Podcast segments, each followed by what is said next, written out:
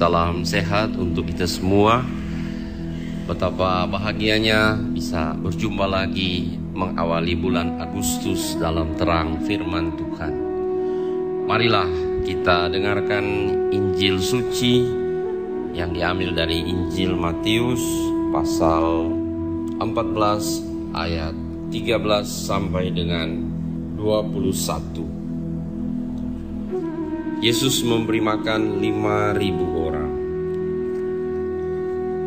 Setelah Yesus mendengar berita kematian Yohanes Pembaptis, menyingkirlah ia dari situ dan hendak mengasingkan diri dengan perahu ke tempat yang sunyi. Tetapi orang banyak mendengarnya dan mengikuti dia dengan mengambil jalan darat dari kota-kota mereka. Ketika Yesus mendarat, ia melihat orang banyak yang besar jumlahnya. Maka tergeraklah hatinya oleh belas kasihan kepada mereka, dan ia menyembuhkan mereka yang sakit. Menjelang malam, murid-muridnya datang kepadanya dan berkata, "Tempat ini sunyi dan hari sudah mulai malam. Suruhlah orang banyak itu pergi, supaya mereka dapat membeli makanan di desa-desa." Tetapi Yesus berkata kepada mereka, tidak perlu mereka pergi, kamu harus memberi mereka makan. Jawab mereka, yang ada pada kami di sini hanya lima roti dan dua ikan. Yesus berkata, bawalah kemari kepadaku. Lalu disuruhnya orang banyak itu duduk di rumput. Dan setelah diambilnya lima roti dan dua ikan itu, Yesus menengadah ke langit dan mengucap berkat, lalu memecah-mecahkan roti itu dan memberikannya kepada murid-muridnya. Lalu murid-muridnya membagi-bagikannya kepada orang banyak. Dan mereka semuanya makan sampai kenyang. Kemudian orang mengumpulkan potongan-potongan roti yang sisa 12 bakul penuh yang ikut makan kira-kira 5.000 laki-laki, tidak termasuk perempuan dan anak-anak. Demikianlah sabda Tuhan, terpujilah Kristus. Diceritakan oleh penginjil Matius bahwa Yesus baru saja mendengar kisah yang sangat menyedihkan, sangat memilukan yakni Yohanes Pembaptis baru saja dipenggal kepalanya oleh Herodes.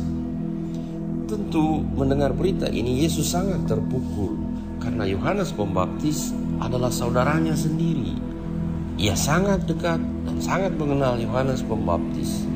Betapa penting peranan Yohanes dalam karya perutusan Yesus. Dan kini ia mati secara tragis. Tentu mendengar berita ini, Yesus ingin menyendiri.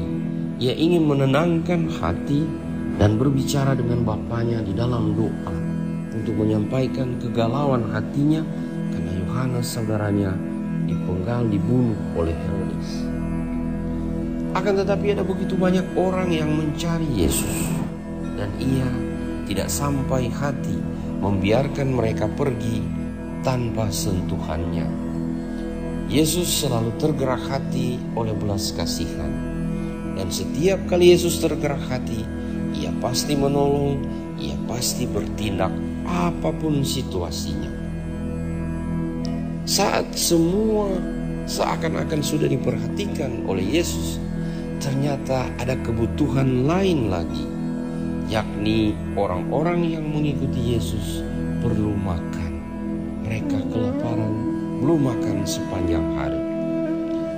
Bersyukur ada murid-murid Yesus yang mengingatkan Yesus akan kebutuhan ini.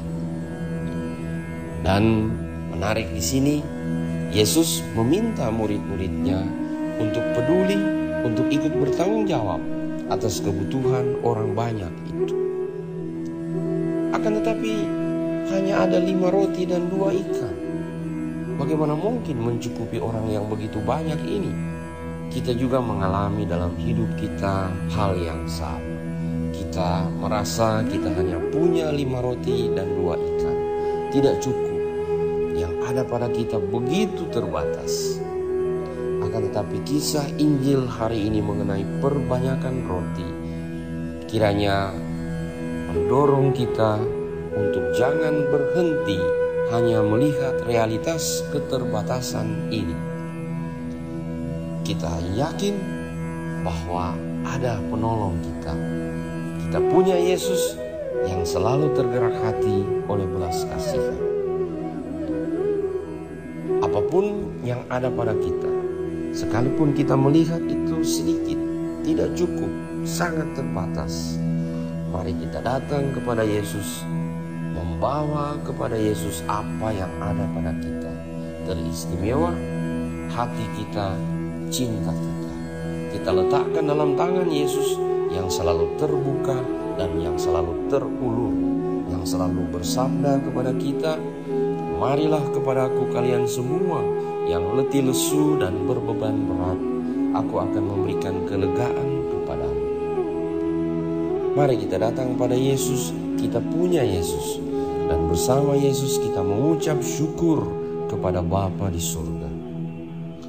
Dikisahkan oleh Matius ketika Yesus menerima lima roti dan dua ikan, dia tidak hanya berhenti memandang lima roti dan dua ikan itu, ia menengadah ke langit, mengucap berkat, mengucap syukur kepada Bapa di surga.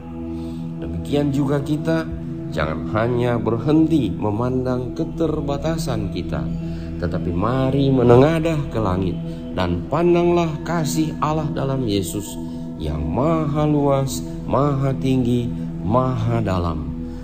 Kita percaya bahwa syukur kita bersama dengan Yesus dan di dalam Yesus akan senantiasa menggerakkan hati Tuhan, hati Yesus untuk tidak membiarkan kita berkekurangan. Jangan khawatir bahwa kita hanya punya sedikit.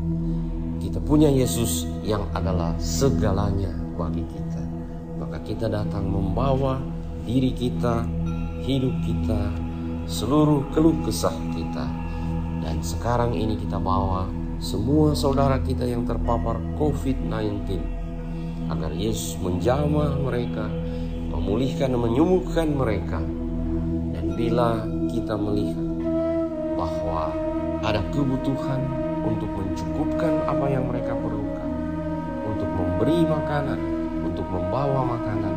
Semoga gerakan hati Yesus menjadi juga gerakan hati kita untuk ikut menolong dan mengulurkan tangan. Kita membawa Yesus kepada saudara-saudara kita dan inilah pemberian yang luar biasa berarti bahwa kita punya Yesus dan kita mau berbagi kasih Yesus kepada siapa saja. Tuhan Yesus senantiasa memberkati dan menyertai kita. Amin.